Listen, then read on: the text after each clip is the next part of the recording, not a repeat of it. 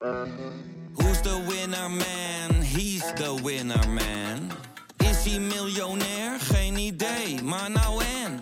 Je hebt geen jackpot nodig to be a winner man. Oh oké, dat is wel lekker man. Deze podcast is 100% expertisevrij en alleen geschikt voor amusementsdoeleinden. De inhoud mag niet worden beschouwd als financieel advies. Dit is Jong Beleg, de podcast. Ik ben Milou, En ik ben Pim. live vanaf de roze wolk van Pim. Oh nee, het is niet live en nee, Pim, we zitten ook niet op jouw roze wolk. We gaan het hebben over cyclische en turnaround aandelen. Interessant onderwerp. We gaan de economische cyclus bespreken. Ja, en eh, Big Tech in China komt Ja. voorbij. Eh, we gaan het hebben over retransfer. Ja, er is sowieso veel nieuws in deze aflevering. Want we hebben het ook nog over Prozus.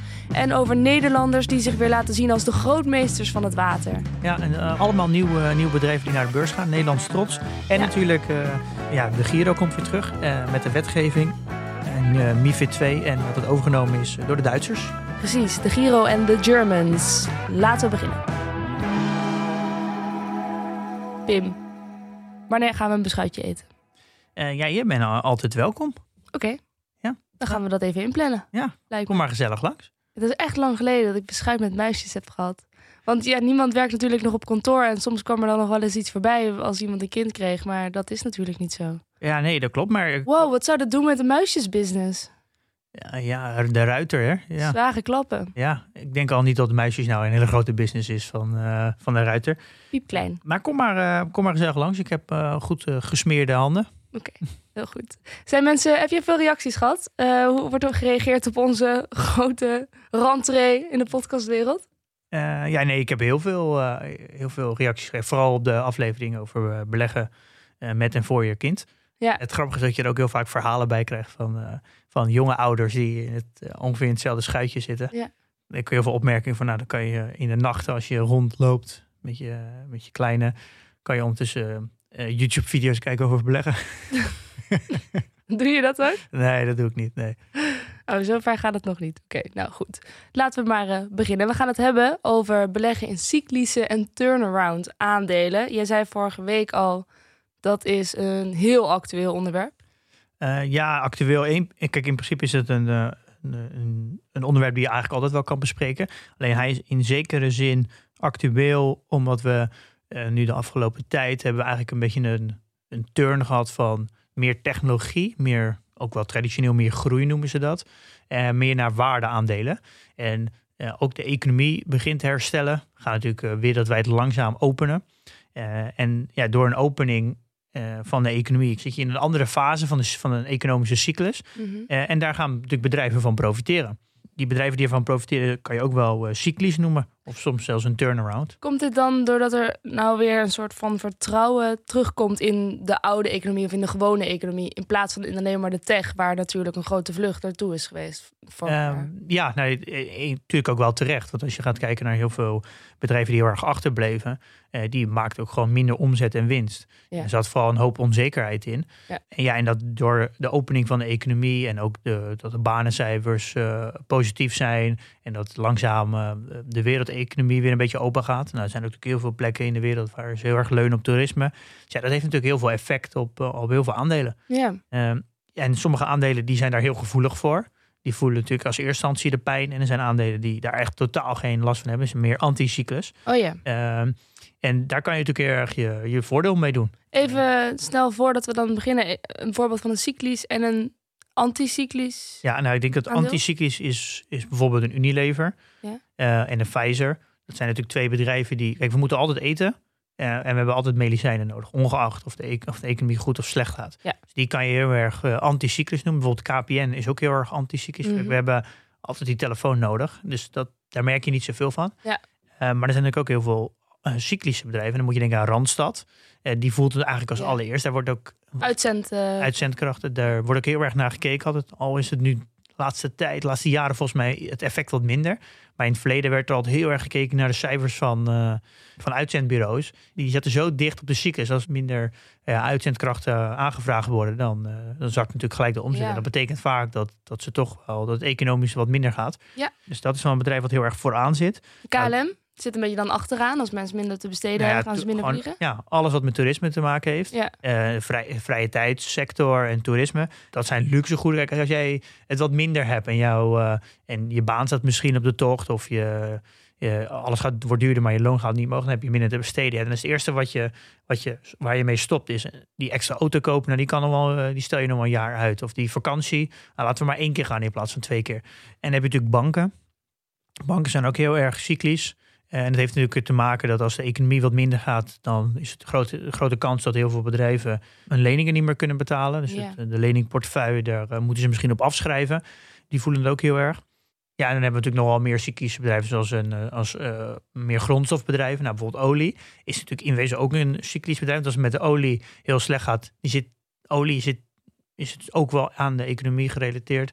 Maar niet altijd. Maar de olieprijs die gaat natuurlijk heen en weer. Dus dat is in principe ook een cyclisch bedrijf. Ja. Dat zie je natuurlijk ook aan de olieprijs. Is vorig jaar volgens mij zelfs even onder nul. Nou, en je ziet nu ook waar die nu weer op staat. Ja, de olieprijs is nu boven de 70. Dus je merkt ook dat alle oliepartijen, die, ja, die gaan ook in een cyclus mee aan de hand van de olieprijs. En dat merk je natuurlijk ook bij grondstofprijzen. Kijk, alle staalbedrijven die doen het nu hartstikke goed.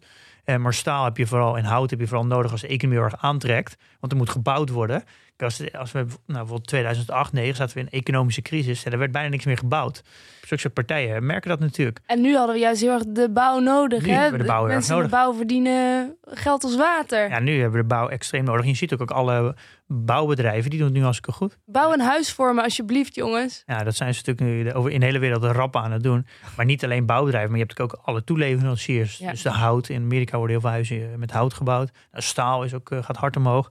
Kijk, dat zijn heel erg cyclische bedrijven. Ja. En eh, ja, de beoordeling en de waardering van cyclische bedrijven... die zijn net even wat anders dan de bedrijven als een Unilever en een bijvoorbeeld KPN en Pfizer. En omdat die natuurlijk met, in een cyclus gaan, is het moeilijker. Je kan wel bij en hold als het echt een sterk bedrijf is, want die gaat gewoon mee in een cyclus. Maar een cyclisch bedrijf is vaak wel een aandeel dat je, dat je eigenlijk bij en dan sell doet. Want je wil hem natuurlijk eigenlijk op een beetje op het Ah. keerpunt kopen, op een laag moment. Ja. En je wil op een hoger moment eh, wil je het weer verkopen, omdat het natuurlijk in een cyclus gaat. Ja, Zo. dit, heeft, dit is echt precies wat mijn vooroordeel, of mijn, waar ik dacht dat beleggen om draaide. Op een goed moment kopen en op het goede moment verkopen. Ja, ja, nee, dat klopt. Ik denk ook wel dat er in het nieuws over het algemeen veel gesproken wordt over cyclische bedrijven, omdat daar gewoon heel veel over te vertellen is. Dat is het spannendst. Ja, die aandelen gaan gewoon op en neer. Dus die creëren gewoon vaker een, een ja, soort van eh, verkoop-opportunity en een koop-opportunity. Ja. En daar kan je natuurlijk over schrijven. Eh, kijk, een bedrijf als een Unilever ja, die, en KPN, die zijn natuurlijk, Molten Kluwers is denk ik ook wel één, die zijn super steady. Eh, Zijn, deze, zijn die koersen dan ook meer bewegelijk van cyclische? ja, ja, zeker. Ja. meer, ja. Ja, die bewegen veel meer. En, daar, en ja, de bewegelijkheid, dat creëert natuurlijk eh, Kansen. kansen. Ja. Heb je daar van begin af aan dat je begon met beleggen aandacht voor gehad? Nee, nee, echt totaal niet. Dat is een soort, maar en terwijl het wel misschien fundamenteel is, zou je nu zeggen. Nou, het is heel belangrijk dat je weet dat een bedrijf cyclisch is. Want dan kan je ook veel beter, eh, als je dat weet, ga je ook veel beter kijken op welk moment in de cyclus zit dat, bedrijf, zit dat Ja. bedrijf nu. Je moet daar best wel goed naar kijken, want bijvoorbeeld naar de koers-winstverhouding. ehm, dat is best wel gevaarlijk, want eh, als je daar alleen maar naar kijkt, want je, dat betekent dus dat als de koers-winstverhouding hoog is, dan kan het natuurlijk betekenen dat het bedrijf wat duur is. Maar je kan ook zeggen, doordat het in een bepaalde cyclus zit en het op, bijvoorbeeld net in het laagste moment van de cyclus zit, dan is de winst natuurlijk heel laag. Als het bijvoorbeeld een eh, nou, staal wordt zit in een crisis, er wordt totaal Ja. niet meer gebouwd. Ja, dan gaan de winsten van natuurlijk staalbedrijven naar beneden. Ja. Als de winsten naar beneden gaan en de koers zit op dat moment nog een beetje boven in de cyclus, dan is natuurlijk de koers-winstverhouding heel hoog. Ja. Dan denk je, oh, dit is een heel duur bedrijf. Dat kan natuurlijk heel erg Ja, vertekenen. want je moet gewoon even wachten. Ja, dus je moet daar, daar moet je heel goed naar kijken. Maar past het dan, dan nog ook wel in een buy-and-hold strategie, cyclische aandelen? Dus uiteindelijk zou het wel kunnen, want echte goede cyclische bedrijven die gaan ook op lange termijn gewoon alleen maar omhoog. Alleen er zit wat meer bewegelijkheid in. Eh, maar ik denk dat je vaak met cyclische bedrijven zit er vaak een heel groot nadeel in. Is dat als een bedrijf een, een paar goede jaren heeft gehad, maken ze dus in één keer heel veel winst. Maar die winsten kunnen ze eigenlijk niet zo heel veel mee. Er, wordt, er worden of kunnen ze er share buybacks mee doen, maar ja, dan doen ze dat natuurlijk op het allerhoogste punt. Dus dat is niet handig. Eh, het geld eh, kunnen ze vaak overnames mee doen. Nou, dat, dat gebeurt ook heel vaak. Eh, maar ja, alles in de markt is duur, omdat die hele sector die gaat natuurlijk hartstikke goed. Dus vaak wordt het geld dan extra uitgekeerd aan dividend. En, want je, je- ze, kun- ze kunnen eigenlijk niet zo heel veel meer met dat geld. Dat echte herinvesteringswaarde uh, mogelijkheden zijn vrij laag, omdat alles al heel hoog is. Je kan, is het heel duur om ook te herinvesteren. Ehm, dus het is, het is heel moeilijk om uh, voor lange termijn dat succesbedrijven echt, ja, echt voor over een lange periode uh, eigenlijk de markt verslaan. Daarom denk ja, ik oké. dat je Dus een cyclisch aandeel, dat het is eigenlijk stel dat je een mens een cyclisch aandeel zou kunnen zijn, dan is het niet leuk om een cyclisch aandeel te zijn, want je werkt jezelf een beetje tegen de hele tijd. Ik denk dat er bij de meeste cyclische bedrijven, als je gewoon tien jaar blijft zitten, ik denk daar niet dat je de index daarmee verslaat bij de meeste cyclische bedrijven. Oké. Uh, het voordeel is wel, omdat het heel bewegelijk is en het dus ook beneden een cyclische zorg naar beneden kan gaan. En als het de economie heel erg aantrekt, juist weer hard omhoog kan gaan. Dat betekent wel dat die, dat gat daartussen kan, zit best wel, kan best wel veel rendement betekenen in een korte periode. Ja. En, maar dan moet je wel heel goed het bedrijf begrijpen uh, en, en goed timen. Um, en, want dus ook weer cellen. Ja, je hebt twee momenten dat je, dat je, dat je moet uh, ja. bepalen. Mm. Um, als je gaat over portfolio management, zeggen de, zeggen de meesten wel dat het altijd wel goed is om een klein percentage in, met cyclische bedrijven in je portfolio te hebben. Het is altijd wel, ik moet zeggen, ik heb het zelf, ja, ik ben voor mezelf nog niet ver genoeg om dit goed te begrijpen, maar je, je begint wel langzaam, ik begin wel langzaam steeds meer gevoel voor te krijgen. Hoe werkt die cyclus nou en welk bedrijf reageert op wat? Ja. En uh, ja. als we bijvoorbeeld kijken naar uh, even de, de, resultaten van vorig jaar. Ik heb daar eens een heel mooi overzicht op de website gezet. Het zijn de S&P 500 sector performance. En dat doen we in de afgelopen uh, 13 jaar. Kijken we dan naar mijn ETF en hoe die het ja, heeft gedaan? we even naar al die kleurtjes. Dat is een heel mooi overzicht. Ja. Van de afgelopen 13 jaar hebben we hebben we alle sectoren onder elkaar gezet. Van, dus van 2007 tot 2020. Wat ze, hoe performt een sector? Uh, en dan kan je zien dat namelijk de best performende sector van elk jaar elk jaar anders is. En je kan ook zo, dus als je goed naar die Ja. kijkt, zie je ook dat sommige sectoren de ene jaar heel slecht doen en dan het andere jaar weer heel goed. Er zit geen enkel patroon in. Nee, nou, je ziet wel als je goed kijkt, zie je wel een aantal sectoren die, die soms heel laag zijn, dan Ja. één keer heel hoog zijn. En sommige sectoren zijn heel steady. En daardoor zie je erg die cyclus in. En als je bijvoorbeeld kijkt naar de resultaten van vorig jaar, daar heeft energie eh, min 33% gedaan. De hele sector. Eh, heeft financials het min 1,7 en eh, real estate is vastgoed min 2,2. Nou, als je dat gaat afzetten tegen de gemiddelde, volgens mij was de index had gemiddeld zo'n 15% gedaan.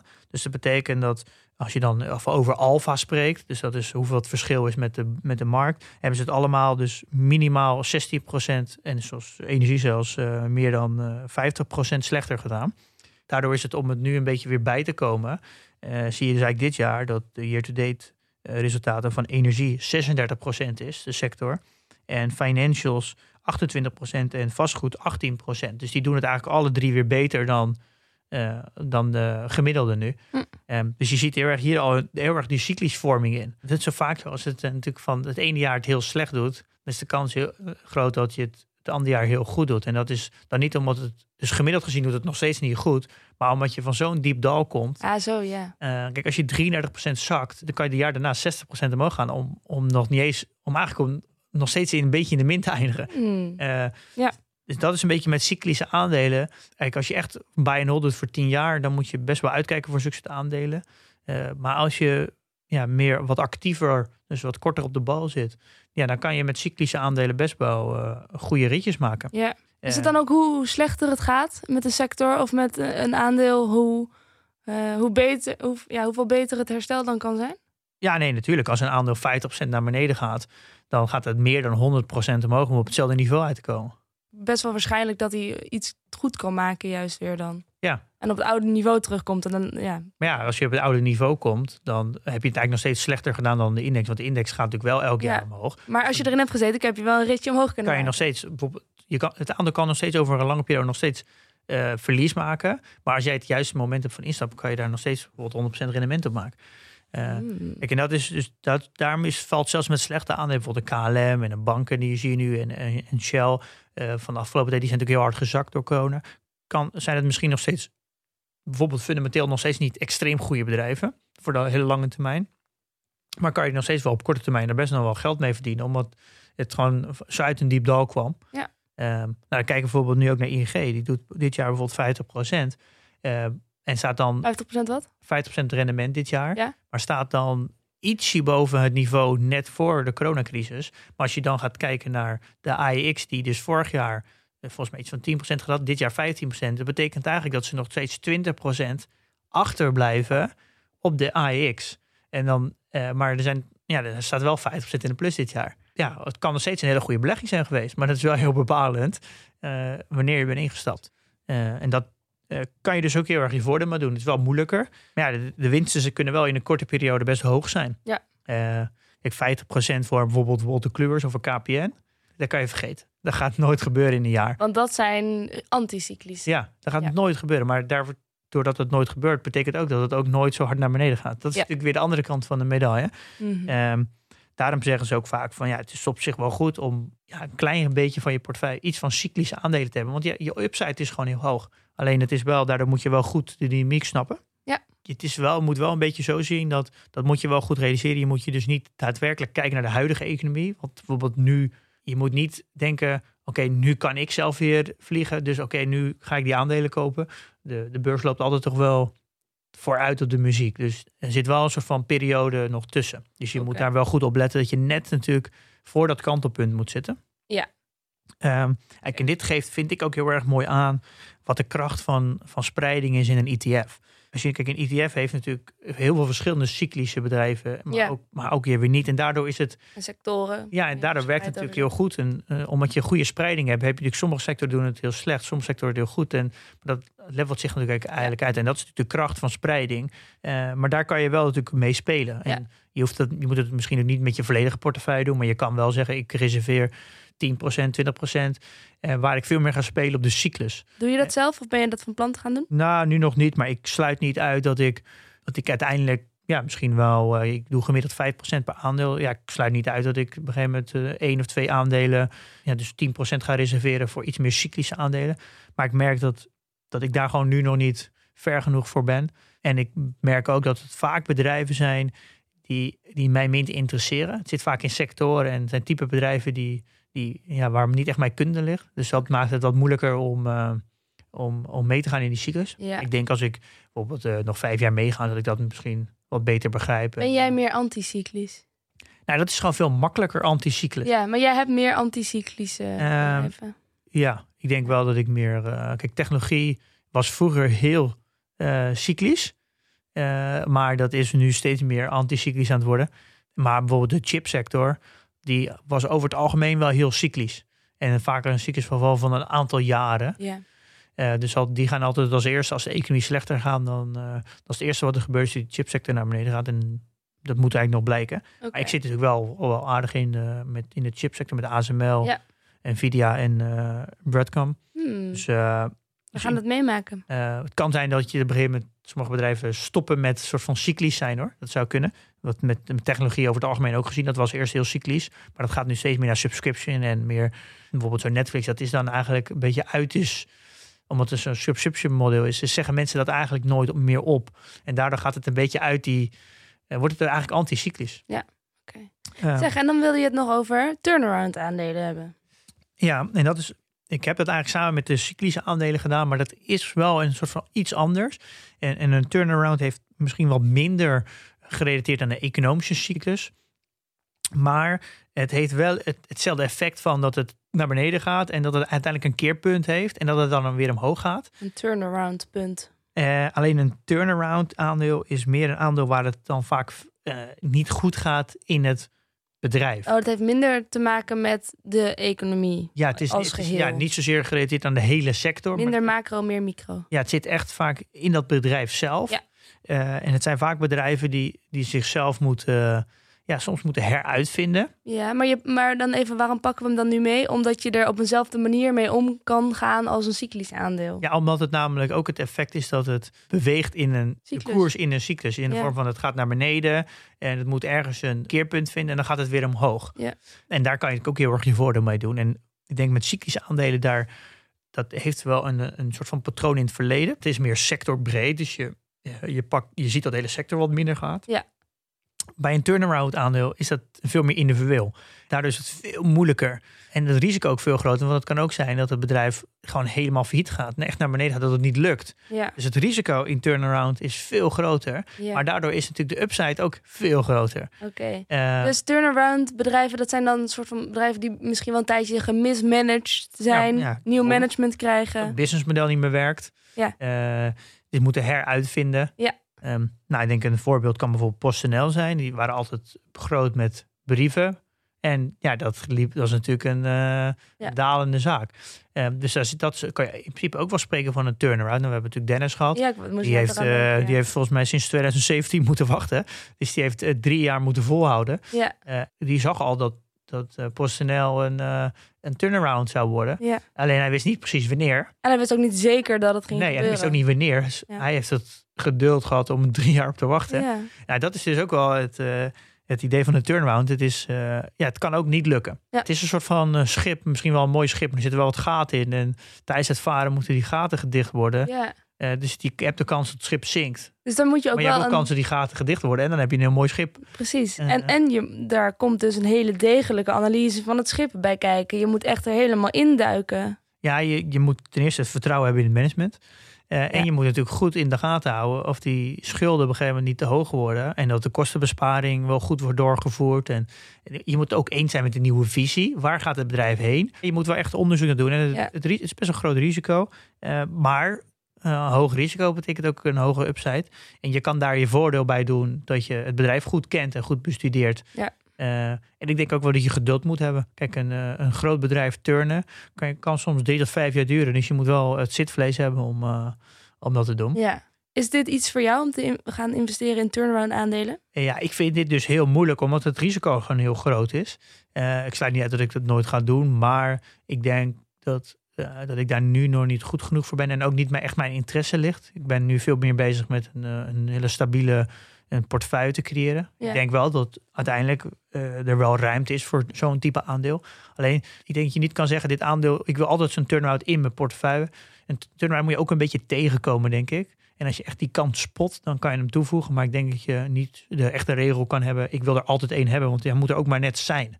Ehm, maar een turnaround aandeel is een, eh, iets wat je prima in je portfolio kan hebben. Eh, Pieter Lynch is een van de, de bekendste en misschien wel meest succesvolste beleggers. Is een beetje een, ja, hij noemt zichzelf ook een beetje een story investor. Ik vind eh, de manier hoe hij praat en hoe hij is als mens, vind ik een heel fijn, een hele fijne persoon. Hoe kijkt hij naar cyclische en turnaround aandelen? Ja, hij, noemt, hij zegt eigenlijk dat je je aandelen in zes verschillende categorieën kan indelen. En zo kan je ook je portefeuille opdelen. En noemt dat, Want hij vindt wel dat ze erin horen. ja, hij vindt slow growers eh, en eh, stalwarts. Dat zijn meer de beetje de blue chip, de stabiele bedrijven met groei. De fast growers en de cyclische aandelen, turnaround aandelen. Dan heeft hij ook nog over asset opportunities. Ja, Dat zijn meer volgens mij eh, bedrijven die, die de boekwaarde hoger is dan waar voor dus de intrinsieke waarde is hoger dan waar ervoor verhandeld wordt volgens mij. Dan moet je denk ik veel meer kijken naar bezittingen die in dat bedrijf zitten. Eh, maar daar zitten natuurlijk cyclische aan turnaround aandelen ook in. Hij Ja. noemt wel dat het met een klein percentage is. Volgens mij heeft hij het over ongeveer 10%. oké. Ehm, maar eh, hij, hij vindt dat het er ook wel in hoort. Ehm, Nou, dan geloven wij dat. maar dat is natuurlijk uiteindelijk. Eh, ja, het is met portfolio management. Het is niet zo dat als iemand dat zegt, dat, dat je dat ook moet doen. Nee. Uiteindelijk moet je jezelf goed kennen. Waar zit je kunde? Hoeveel tijd wil je daar besteden? En waar zit je kennis? En, En past Ja. het in de rest van je portfolio? Ja, en- risico en alles. en kan je daar qua risico ook tegen? Ja, misschien slaap je beter met eh, meer eh, stabiele aandelen zoals een Nestlé, een Unilever, Procter Gamble. Dan dat je een, een turnaround aandeel hebt waar je elke, dag zit te kijken van, oh, gaat het niet nog beneden? Ja. Gaat het niet nog verder beneden? Dat je geen geduld hebt en vier Ja, jaar lang kan wachten. Dus ja, dat is voor eigenlijk voor iedereen voor zich. Het is alleen goed om te, om te weten of het aandeel cyclisch is of een turnaround. Daardoor eh, weet je beter waarom je het koopt. Ja. Eh, en kan je ook denk beter begrijpen eh, waarom een aandeel zakt. Ik Ja. merk in de community ook dat heel vaak mensen vragen... kan iemand mij uitleggen waarom dit aandeel al twee maanden aan het zakken is? En dat zou zomaar kunnen zijn dat het reageert op een economische cyclus. En bijvoorbeeld eh, verzekeraars, die reageren heel erg op, eh, op rente. Eh, omdat ze natuurlijk superveel geld ontvangen van degene die verzekerd zijn. Ze krijgen eigenlijk vaak vooraf en achteraf wordt het vaak pas uitgekeerd. Ehm, dus ze hebben een hele hoge cashreserve. En die cashreserve die kunnen ze ja, met een, moeten ze met een bepaald risicoprofiel moeten ze aanhouden tot een zeker maar ook met een laag risicoprofiel beleggen. Kunnen ze niet, heel, niet, niet eh, zo beleggen op de index. Want als dan de index in één keer hard zakt met 30%, dan ben je natuurlijk je geld kwijt om uit te keren. Ja. Ehm, dus die zijn heel gevoelig voor rente. En dan moet je ook nog eens kijken welke delen van de wereld beleggen ze dat geld en welke vorm van obligaties. Dus Ja. als, als dus een rente heel hard omhoog gaat in bepaalde delen van de wereld, dat kan zomaar zijn dat een bepaalde verzekeraars daar heel erg van profiteren. eh, in Nederland, maar ook andersom natuurlijk. En daar moet je wel een beetje begrijpen dat je die dynamiek snapt. Eh, dan kan je ook beter begrijpen waarom een aandeel eh, naar beneden gaat. Oké. En dan hebben we er weer nieuwe vrienden van de show bij gekregen. Waarvoor dank. Heel gezellig dat jullie erbij zijn. Ik lees er even eentje voor. Een communitybericht van Blijde L. Hoi allemaal, ik ben Blijde. Opgegroeid in Maleisië en nu al een aantal jaar in Nederland. Kort geleden ben ik deze amazing podcast tegengekomen in mijn Spotify. Mega, mega, mega big thanks to Pim Verlaan en Milou Brand voor de podcast. Ik kijk er naar uit om binnenkort te beginnen met beleggen op de stockmarket. Ik beleg slash investeer wel op andere manieren. Ik kom uit een ondernemersfamilie, maar deze podcast heeft me enorm veel nieuwe dingen geleerd. En ik voel ready. Ik weet nog niet of ik in pensioen geloof. Hashtag living in the moment.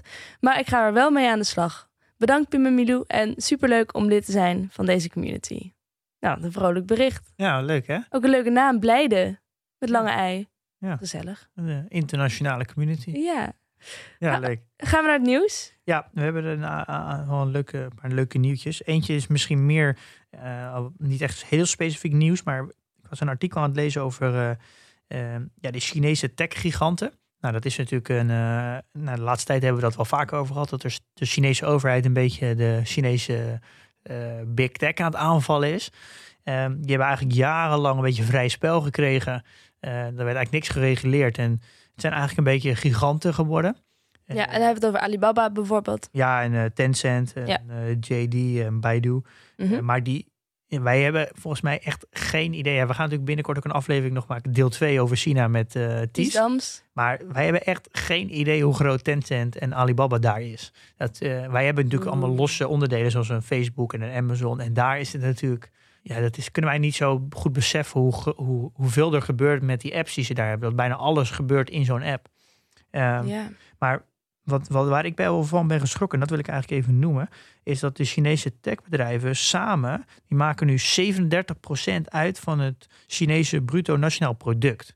37%. Even vergelijkend. Is dat Vergelijken met Amerika, eh, waar wij al vinden dat Big Tech echt heel groot is. Ja. Daar maakt het 7,7% uit van het BBP. Holy moly. Ja, dat is echt een gigantisch verschil, hè? Ja, Eh, gigantisch. en eh, er wordt nu zelfs gesproken over een gigantisch systeemrisico daar, omdat zo'n groot gedeelte van het BBP uit één sector komt en dan specifiek uit een, een aantal bedrijven. Dit geeft aan hoe groot het BBP is. Het gewoon het, het landelijke nationaal. Dat is echt. Dus het zou 37% uitmaken van onze Nederlandse economie, hè? Eh, als je dat dan zo zou zeggen. ja. Eh, Jeetje, ik krijg een beetje een, een melkwegachtig idee. Zo, zoiets groots. Het is ook echt heel groot. En Ja. het is daarom ook een beetje too big, too veel geworden. Maar ja, je snapt nu wel waarom Peking in aan het grijpen is. Ja. En dan Snap ik dat? las ik, nou ja, dit is natuurlijk systeemrisico. Je, als 37% van je, ja, je BBP. Ja, maar risico, je, dat, dat snap ik. Maar je zegt net too big, too veel. Nou ja, kijk, als het valt, Nee, maar het, is, het valt niet, want het is too big, too veel. ja, daarom is het too big, too veel. Want als het, het is, kan niet meer eh, kapot gaan, want dan stort de economie in. Maar, oh, op die too big, manier. too veel. Too big, too veel. Van ze mogen niet falen. Ja, ja. Oké, Ehm, ja. Maar wat, wat mij dus opviel, waarom het ook zo groot is. En dat is iets waar, denk ik, in Amerika ze ook nu in terugwerkende kracht heel erg naar kijken. Tencent heeft in de afgelopen 12 jaar 800 venture investeringen gedaan. 800. Dus ze hebben in 12 jaar tijd 800 verschillende bedrijven gekocht. Eh, en Alibaba 400. En dit is iets waar eh, ik denk dat daar, eh, dat is de reden waarom ze zo groot zijn geworden. Dat merk je in Amerika natuurlijk ook. Dat bijvoorbeeld Facebook natuurlijk een eh, Instagram heeft gekocht en een WhatsApp. Daardoor zijn ze zo groot geworden. Als ze die nooit al, die hadden ze eigenlijk nooit mogen kopen. YouTube is natuurlijk gekocht door, door Google. Android is ook gekocht door Google. Nou ja, we LinkedIn. Door Microsoft. Nou, zijn, zijn, nou, ze, ze, kopen ze volgens mij ook honderden bedrijven. En door dat constant opkopen van concurrenten of nieuwe start-ups die, die ook heel, die heel innovatief zijn en iets nieuws bedenken, stagneer je uiteindelijk op lange termijn innovatie. En worden natuurlijk de grote bedrijven alleen maar groter. En dit is iets. De rupsje nooit genoeg. Ja, dit is de reden waarom ze zo groot zijn geworden. Ze hebben zoveel belangen. En daar gaat denk ik Peking een beetje de halt op roepen om dus niet meer partijen kunnen kopen. En ik denk dat het in Amerika en Europa ook steeds vaker gaat gebeuren dat er dat ze, ze kunnen op een gegeven moment gewoon niks meer kopen, want dat wordt gewoon verboden. Maar wat ik dus ook nog wel eruit haalde, dat ik dacht, is die 37% ja, dat is veel, maar is dit iets wat onvermijdelijk is? Of, of is, het ver, ja, is, is het vermijdelijk? Is het vermijdelijk? Dat is, dus, ik, dat is dus een interessante vraag. Want, want als je echt bedrijven laat groeien, dan zullen ze. Ja, maar je kan je ook vragen: is het uiteindelijk niet. Uh, hebben consumenten hier echt last van? Dat is natuurlijk ook weer de vraag. Ik denk het niet. Dat zijn wel twee verschillende vragen. Ja, nou, ik, laat me zo zeggen, omdat ik zeg, is het vermijdelijk? Uh, dat is een hele interessante vraag, want dan kan je ook over nadenken. Is dit niet iets waar je gewoon niks aan kan doen? En gaan wij in Europa en Amerika daar ook naartoe? Moeten we ons daarbij neerleggen? Uh, ik denk namelijk dat, dat het alleen maar ook heel veel vooruitgang biedt. En uh, voor de uiteindelijke consument ook heel veel ja, rijkdom geeft in iemands leven. Dat Nou ja, het is maar wat je vooruitgang noemt hoor. Dat is een hele andere discussie. Maar ik weet niet of ik wel wil dat technologie zo groot dat het 37% van mijn leven gaat beheersen. Als ik het even. Ja, maar heel, ja, heel eerlijk, het, met economie. Het, uh, heel eerlijk gezien, denk ik dat technologie nu al veel meer uh, jouw leven beïnvloedt dan wat het nu het BBP is. Het is al erger dan ik denk, kun je nagaan. Ja, en het is een BBP in Amerika is 7,7%, maar het beïnvloedt al veel meer jouw leven dan. Weet ik. Ja, dus, ik dus wat ik daarmee wil zeggen is dat het is iets, on, iets, on, iets onvermijdelijk. Technologie verrijkt gewoon ons leven. Dat is, eh, dat is wel duidelijk, want anders uh, maken wij daar niet zoveel gebruik van. En daarom denk ik dat het dus. Ja, maar het kan ook doorslaan. Dat je dus ook wel kan. Ja, maar het hoeft niet per se te zeggen dat het allergrootste bedrijven in de wereld geconcentreerd te zijn. Het gaat meer over de sector aan zich. Uh, ik denk dat de sector namelijk, net als in, uh, in uh, China, dat Amerika daar ook wel naartoe gaat. Dus het geeft mij heel erg aan, wat ik er heel erg uithaal, is dat dus we nog maar aan het begin staan van eigenlijk de, de ja, misschien wel de technologische revolutie. Ik denk dat, dat als we misschien, ja, misschien gaat het gaat wat trager, omdat de economie van Amerika wat ouder is en, en veel sterker is. Hm. Denk ik wel dat het op, bijna onvermijdelijk is dat Amerika uiteindelijk ook naar zulke soort cijfers toe gaat. Nou, als het zover is, dan zit ik hopelijk op een geitenboerderij ergens in Italië. Ja, dus, uh, maar eigen groenten te verbouwen. Ja, uh, want je bent, ik merk dat je een beetje weerstand hebt. Waarom heb je hier weerstand op? Nou, ik word er gewoon een beetje bang van. Ja, oké. En ik, zie, maar jij ziet toch ook al wel de invloed van technologie op ons leven. En dat dat niet per se altijd goed is. En dat dat niet, ook niet per se altijd vooruitgang te noemen is. Dat we er niet allemaal gelukkiger van worden. Ja, nee, dat is natuurlijk een hele uh, bijna filosofische kwestie. Want dan denk ja, je, ja, daarom zei ik, het is een beetje een andere kwestie misschien. Maar want, ik merk wel dat het me gemoed beïnvloedt. Ja, want het is natuurlijk een beetje... Uh, uiteindelijk hebben wij een...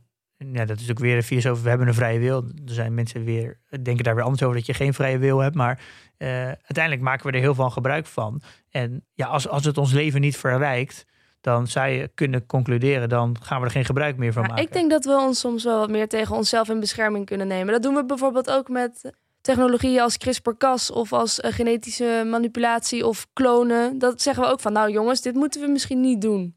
Nou, misschien moeten we ook niet meer technologie in ons leven. Ja, ja maar dat is, ik denk dat je dan krijg, dan krijg je ook vroeger met de telefoon. Toen werd er ook heel bekend filmpje dat mensen zeggen, ja, uh, telefoon hoeft niet altijd bereikbaar te zijn. Uh, ja. Je spreekt voice Heb ik niet thuis. nodig? Nee, ja. hoezo? Nou ja, kijk nu. Uh, vraag je iemand, ja, neem je telefoon niet meer mee. Dan, op het moment dat je op pad gaat zonder telefoon, voel je je naakt. klopt, we gebruiken het wel, maar worden we er blijer van?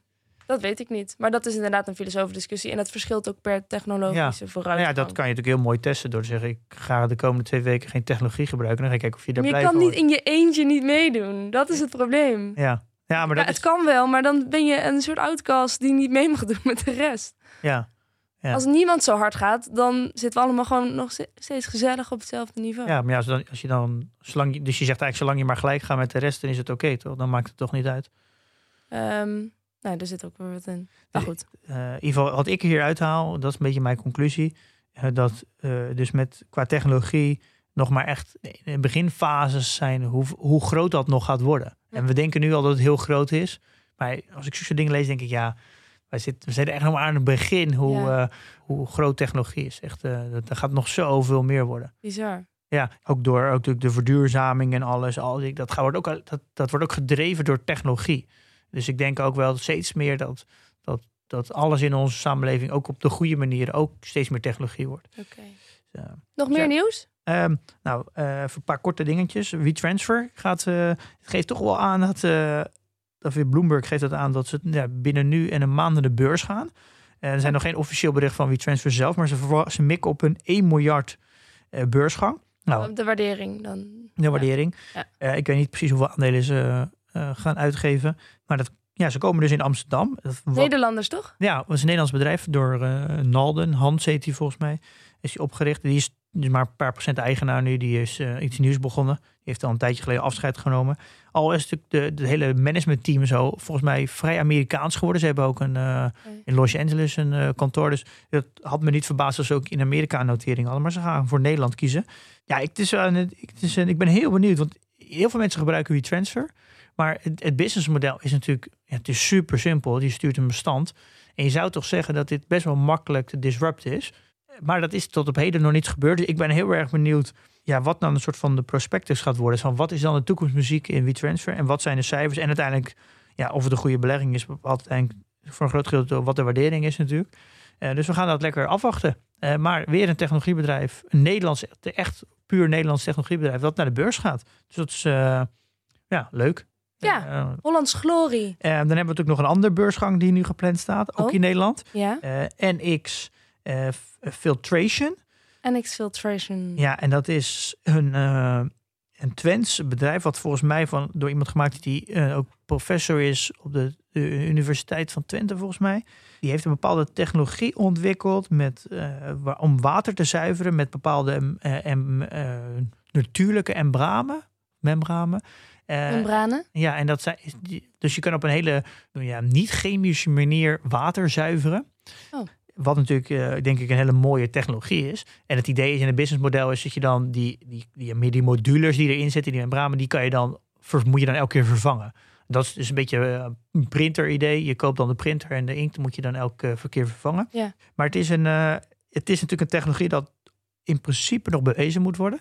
Want het is. Want gaan mensen dan hun eigen water filteren? Nou, het idee is dat ze dit gaan verkopen aan eh, waterzuiveringsinstallaties en grote bedrijven, denk overheden en zo.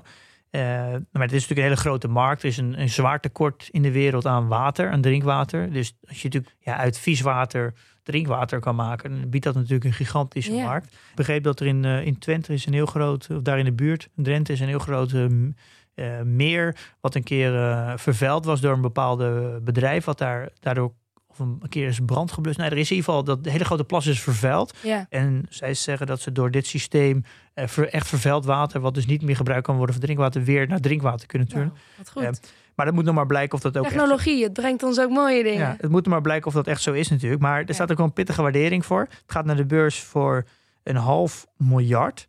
En ze willen 150 miljoen ophalen. Ja. Eh, maar ze hebben maar 1,1 miljoen euro omzet.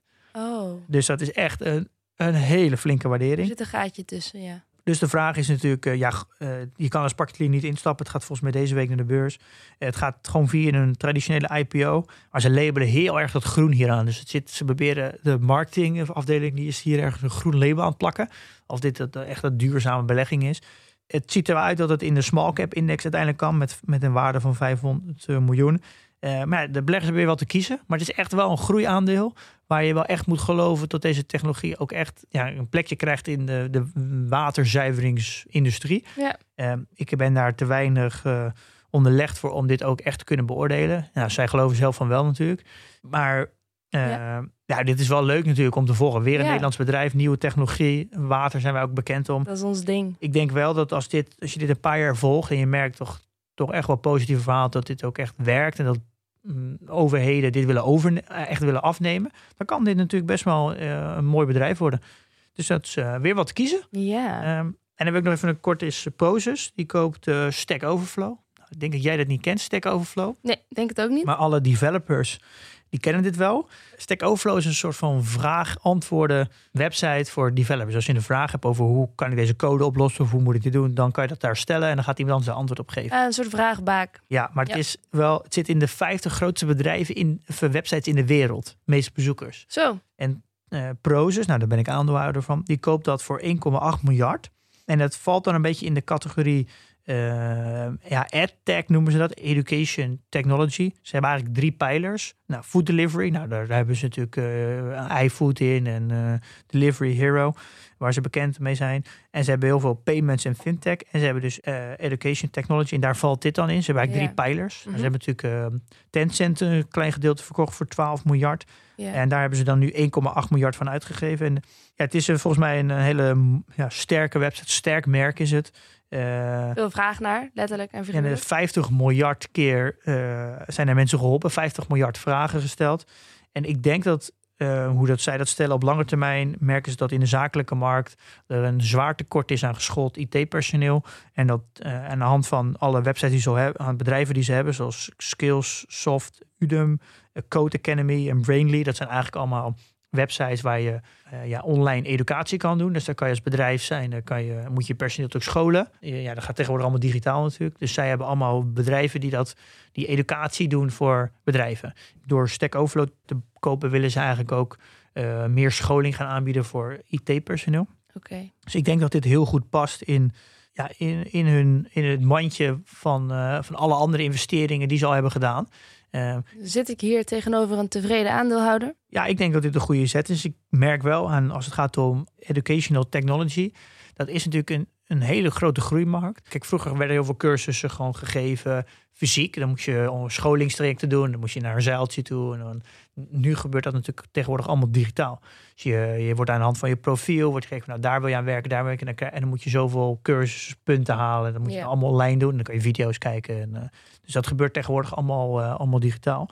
Um, en ik denk dat die markt is, is groeit natuurlijk gigantisch hard. Het is natuurlijk schaalbaar over de hele wereld. Uh, al denk ik wel dat dat eerder dat dit echt een volwassen industrie is waar, waar echt hoge marges komen, ben je echt nog wel, wel vijf en tien jaar verder, vermoed ik. Dus dit is echt wel een soort van long play voor uh, Proces. Maar ik denk dat ze daar op lange termijn wel goed aan het positioneren zijn. Okay. Maar daar ga je als aandeelhouder op korte termijn ook niet zoveel van merken. Oké. Okay. Um, nou, dat was eigenlijk uh, de nieuwsupdate. Vond je, uh, vond je het goed? Ik vond het goed. Dit was het nieuws.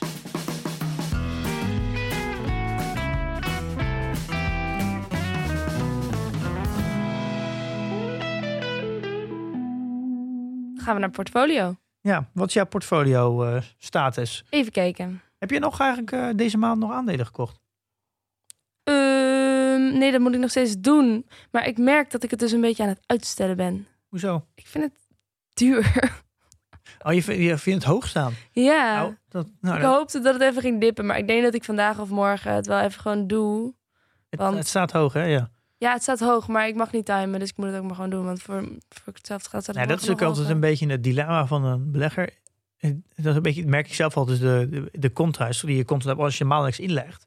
Je, uiteindelijk wil je aandelen ook zien stijgen. Maar je, je moet elke maand kopen, maar je, je wil niet, altijd piek kopen. Dus ja. dat is natuurlijk een, een, een beetje een contra gevoel. Ja, een dubbel gevoel. Ja. Um, daarom is het ook gewoon beter om niet zoveel naar te kijken. Want um, ja, ik hoop dat je de, de rest van je leven nog regelmatig, uiteindelijk vaker op een piek gaat kopen. Ja. Want dat betekent dat het omhoog gaat. Dat is waar.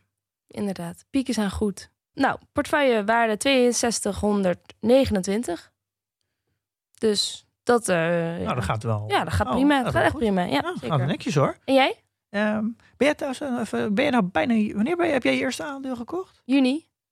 Oh, ben je dus nu een jaar belegger? Ja, ik ben een jaar. Ja, Oh, happy birthday to me. Zo. Uh, ja, precies. Ik heb in totaal nu 717 euro uh, meer dan ik vorig 1700. jaar had.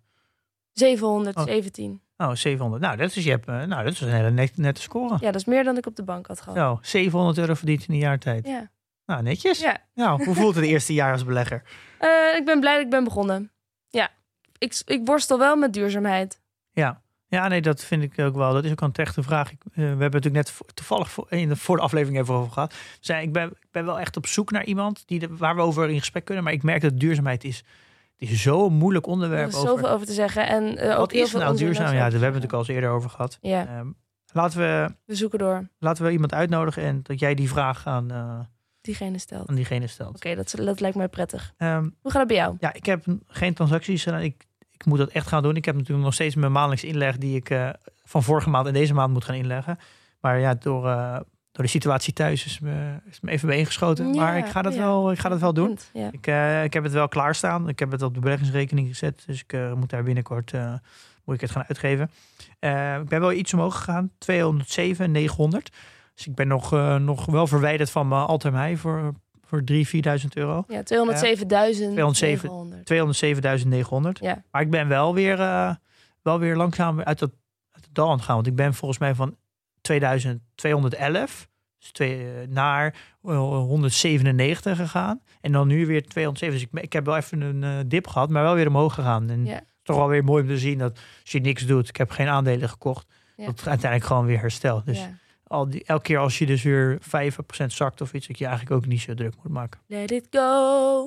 Ja. Let it go. Oké, dat zou ik iedereen besparen. Gaan we naar de reviews? Een korte vraag met een lang antwoord. Oh jee. Echt? Ja. Oké, we hebben een vraag gekregen van Siebe. Hij stuurt beste Pim en Milou. Kunnen jullie in de podcast eens aandacht besteden aan de risico's van de Giro nu ze in Duitse handen zijn gevallen? Oh jee, de Duitsers. Zelf beleg ik voor 30% bij de Giro en de rest bij ING per mij. ING heeft per 1 juni de kosten behoorlijk verlaagd. Vriendelijke groet, Siebe. Ah, hij twijfelt of hij misschien niet gewoon helemaal naar ING moet. Misschien. Ja, nou, dit, in de community werd hier vaker al een vraag over gesteld. Dus het is ook, ook heel terecht die, die, als je vermogen bij een broker hebt staan en er gebeurt rondom die broker gebeuren allerlei dingen. Ja, dat is niet fijn. Je wil het liefst natuurlijk een zo stabiel mogelijke broker hebben. En elke keer als iets verandert, dan zorgt voor onzekerheid. En dat wil je goed begrijpen. Die zorgen zijn allemaal wel terecht. Er is natuurlijk een hoop gebeurd bij de Giro. Het is overgenomen door FlatEx. En nou ja, in die tussentijd dat dat is aangekondigd. En nu is natuurlijk niet zoveel veranderd. Maar sinds kort is de Giro volledig soort van geïncorporeerd in FlatEx. Nou, FlatEx is een Duitse onderneming. Mhm. Ze hebben zelfs de naam aangepast naar de Giro FlatEx. Het was eerst alleen de FlatEx, dus het is natuurlijk een beursgenoteerd bedrijf. Eh, en het is nu volledig in, Duit, in eigenlijk een beetje Duitse handen. En het is ook helemaal geïncorporeerd. Ze hebben het, Nederlandse management eigenlijk slagen. Ze, nou, ze zijn op goede voeten weggegaan. Maar uiteindelijk wat er altijd gebeurt, als er natuurlijk een fusie is. Ja, je koopt een bedrijf en daar betaal je veel voor. Hoe ga je winsten pakken? Door sowieso al in eerste instantie gewoon heel veel overhead eruit te gooien. Nou, ze hebben heel Nederlands management eruit gehaald.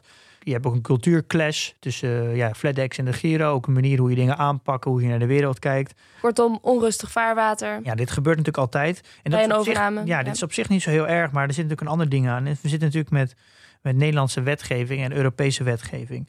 En ehm, de Duitse BaFin, dat is natuurlijk de Duitse AFM, die staat er nog niet, niet heel erg bekend dat ze nou zo goed zijn en niet zo streng als de AFM. En daar zit natuurlijk een beetje de zorgen. De AFM heeft in 2008 een provisiebod ingesteld dat je niet meer nee, mag verdienen aan, eh, aan, aan advies. Dus je mag ook niet zomaar, dat is volgens mij door de, de hypotheek, dat een hypotheek werd aangeraden die uiteindelijk een kickback fee had. En je mag dus niet meer een kickback fee krijgen. Nou, dat, dat is, werkt dus ook met belegger. Zo, je mag niet je order flow verkopen en daardoor een kickback fee voor krijgen. eh, en dat je dus je klant meer betaalt. Ja. Eh, nou, daar is eigenlijk in 2018, als ik het goed is, is er Europees eh MIFID gekomen. Dus MIFID 2, dat is een wetgeving, Europese wetgeving vanuit Brussel. Eh, vanuit het, dat komt door het Europees parlement. En die heeft aangegeven dat je dus niet zomaar een order mag sturen naar een, een exchange die, die jou als broker het beste uitkomt. Het mag alleen eh, naar een specifieke exchange als het ook een voordeel is van een, voor jou, voor de klant. Dat is wat de wetgeving staat. Dus in principe, in Europa mag je dus niet een or- order flow verkopen, zodat je er zelf beter van wordt. Dat, Oké, dat als is, broker. ja, dat is al een wet. En dat is de MIFID 2. Ja. Ehm, er is toevallig stond een artikel in, eh, in het FD deze week, waar eh, een aantal eh, mensen die in het Europees parlement zitten, hier ook heel veel vragen over stellen. En de Saxo Bank en ING, die hebben er hier ook over geklaagd. Is dat het niet streng genoeg wordt gecontroleerd op deze wet. En daar zit eigenlijk volgens mij de crux. In theorie mag dus de FedEx niet de order flow verkopen. Dat mag volgens de wet in de Europese wetgeving. Maar ze doen het En- waarschijnlijk wel. Nou, ze- dat is, eh, ik heb gemaild naar de Giro. Eh, en ik heb een reactie gegeven natuurlijk op de website. Er staat dat, eh nou, heel verhaal, maar uiteindelijk staat dat de bovenstaande ontwikkelingen leiden er niet toe dat er reden is om vanuit te gaan dat wij het ons ordersysteem gaan aanpassen. Dus ze zeggen dat ze het ordersysteem niet gaan aanpassen. Ehm, nou ja, dat zijn dan nu de woorden van de Giro. En ik heb er wat verder ingelopen. Qua wetgeving mag het dus ook niet. Nee. Dus eh, ik heb wat mensen gesproken die ook bij de Giro werken. En die zeiden ook van, ja, wij mogen dat volgens de wet niet. Dus de kans dat wij dit gaan doen is eigenlijk heel klein. De kans is wel aanwezig dat we op een gegeven moment misschien een optie bieden aan de klant. Dat je in een bepaalde, dat de orders naar een bepaalde exchange gaan. En dus nu, hoe ver ik dat kan inschatten, ja, mag het niet. En de wetgeving staat het ook niet toe. En dat ze nu een heel onderzoek hebben gestart. Dus toevallig een Duitser die in het Europese parlement zit, die heeft een onderzoek gestart om te onderzoeken in Europa in hoeverre alle brokers zich houden aan deze wetgeving. En de eigenaar van de Saxo Bank, Kim heet hij, Kim de achternaam even kwijt.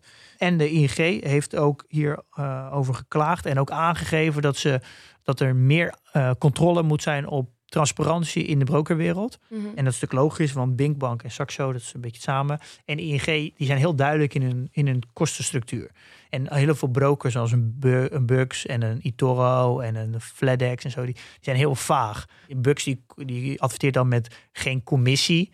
Eh, je, geen, je betaalt geen commissie, maar dat is natuurlijk heel vaag, want je betaalt wel andere dingen. Ja. En ze gebruiken natuurlijk expres het woord transactiekosten niet, maar gebruiken commissie. Dus al die brokers zijn heel goed in marketing en dingen verbloemen. Ja, ik kan ook niet normaal naar die reclame kijken. Het is heel erg vaag en ze kiezen juridisch precies de juiste woorden. Maar je, als, als klant weet je eigenlijk nog steeds niet of het nou gratis is of niet en wat je nou daadwerkelijk betaalt.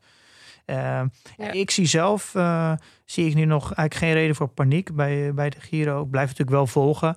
En je kan trouwens ook zien als je nu een order doet bij de Giro, bij welke exchange die wordt uitgevoerd. Uiteindelijk eh, in Amerika heb je een systeem en dat heet Smart Order Routing. Eh, kijk, in Amerika kan je makkelijk een aandeel op, op 12 verschillende beurzen kopen.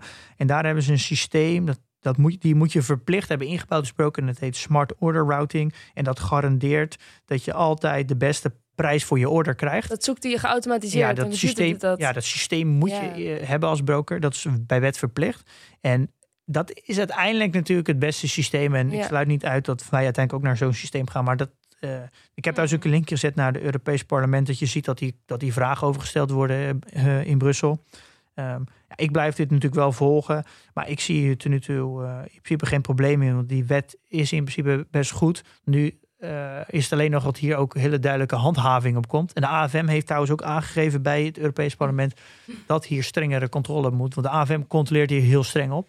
En die vindt dat het Europees Parlement hier te laks in is. ja. Eh, maar dit is natuurlijk wel een goede ontwikkeling dat hier Europees breed aandacht aan besteed wordt. Pim, wat heb jij goed onderzoek gedaan? Ja, en dat is natuurlijk belangrijk. Ik heb daar best wel veel vermogen bij Ja. de Giro zitten. Dus het is wel belangrijk dat je, dat je goed blijft monitoren waar heb je je geld staan en hoe betrouwbaar is dat en ben ik daarmee eens. Ik heb ook even gekeken naar de ING, want eh, hij stelt ook dat de kosten daar laag zijn. Eh, en dat klopt, het is echt extreem verlaagd. Dat is natuurlijk positief voor alle beleggers. Maar eh, er zit één ding zit mij daar dwars. Eh, je betaalt nou 20 euro service fee, dus een basisfee. Nou, dat vind ik nog wel op zich meevallen. Ik betaal bij de, bij de Giro 2,5 per beurs. Dus nou, kan ik erover zien. Maar er zit één heel grote maar. Je betaalt een service fee. En dat is over je belegd vermogen. En daar zit gewoon bij mij heel erg de, waar een beetje de schoen wringt. Je betaalt 0,24 procent. En dat is dus elk jaar. Dus hoe meer vermogen je belegt, hoe meer je per jaar gaat betalen. En ik wil niet betalen over beheerd vermogen. Eh, Net zoals je, als ik beleg in een ETF, betaal ik daar ook een, een, een, ja, een jaarlijkse kosten voor. Ik wil niet be- betalen over mijn vermogen. Ik wil bij, echt met alle liefde betalen per, per transactie, want dan moet je ook iets uitvoeren. Ja. Ik wil prima beheerfee betalen, maar ik wil niet betalen over mijn vermogen, want dat betekent dat ik elk jaar meer moet betalen. Ja. Ehm, dan, eh, en als je gaat kijken naar de transactiekosten, is iets goedkoper dan bij de Giro. Niet als je het vergelijkt met een Amerikaans aandeel, maar wel een Nederlands aandeel. Dus qua basisfee en transactiekosten zijn ze prima geprijsd. Maar eh, die service fee is mij, houdt mij heel erg tegen. Want dat betekent dat ik met mijn huidige portefeuille ja, over de 500 euro heen ga met beheerfee. Ja. Ja. Dat vind ik gewoon veel. Dan zou ik eerder nog naar Bink gaan, want daar is de beheerfee veel lager. Daar zijn de transactiekosten wel iets hoger. Maar ik ga uiteindelijk naar een portefeuille toe van 20 aandelen, waar ik misschien een paar keer een Ja. transactie eh, doe. Daar, dus dan betaal ik liever hoge transactiekosten en een lagere beheerfee. Eh, maar uiteindelijk is het ook waar je jezelf comfortabel bij voelt. Helder. Papa Verlaan, volgens mij is het tijd om af te ronden. Laten we dat doen. Volgende week gaan we het hebben over voor- en nadelen van beleggen in een holding. Ik weet nog wel dat ik een holding vroeger altijd een heel schimmige naam vond. Tot ik erachter kwam dat mijn vader ook een holding had. En toen dacht ik, hmm, Ja, ik heb zelf ook een holding. Ja, nou, kijk, elke ondernemer, eh, als je een, een aanmerkelijk belang hebt, dus een belang van groter dan 5%, dan mm, heb je eigenlijk altijd een holding. Oké, nou, Ehm, volgens mij gaan we die lekker volgende week over ja, nou ja, bijvoorbeeld de bekende holding Proces, Hall, Trust, nou ja, dus eh, Sofina en Berkshire Hathaway. In, in een zekere zin kan je ook zeggen dat eh, Alphabet is natuurlijk ook een holding. Want Alphabet zelf is, er worden geen werkzaamheden in verricht. Het is niks, het is geen bedrijf. Ja. Dat daar staat eigenlijk, daar hangt onder Google, eh, YouTube, eh, Android, die hangen allemaal onder Alphabet. Al vind ik wel dat daar nuance in is, maar dat gaan we volgende week eh, uitleggen. Precies. Oké. Dan rest ons nog één ding in de tussentijd. Investeer in je kennis en beleg met beleid.